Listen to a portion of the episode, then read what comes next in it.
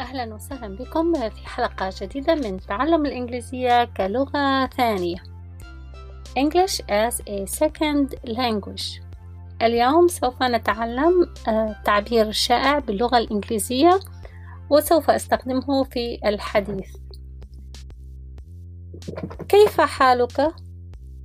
How are you? How are you? How are you? أنا بخير الحمد لله.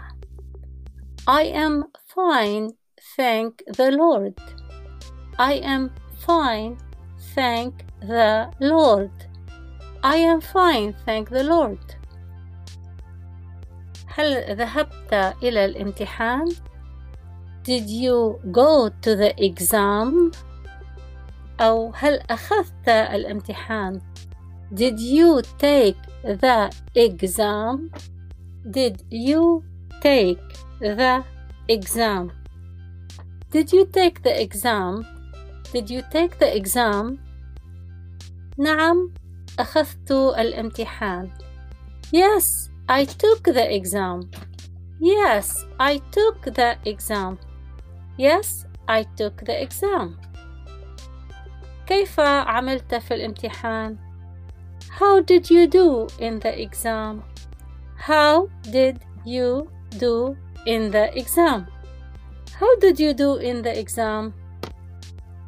I failed يعني أنا رسبت لم أنجح I failed أو رسبت في الامتحان I failed in the exam I failed in the exam وهنا التعبير يأتي للتشجيع. بالإنجليزية نحن نقول دع رأسك مرتفعا لا تنكس رأسك. الإنجليز يقولون ارفع دقنك عاليا.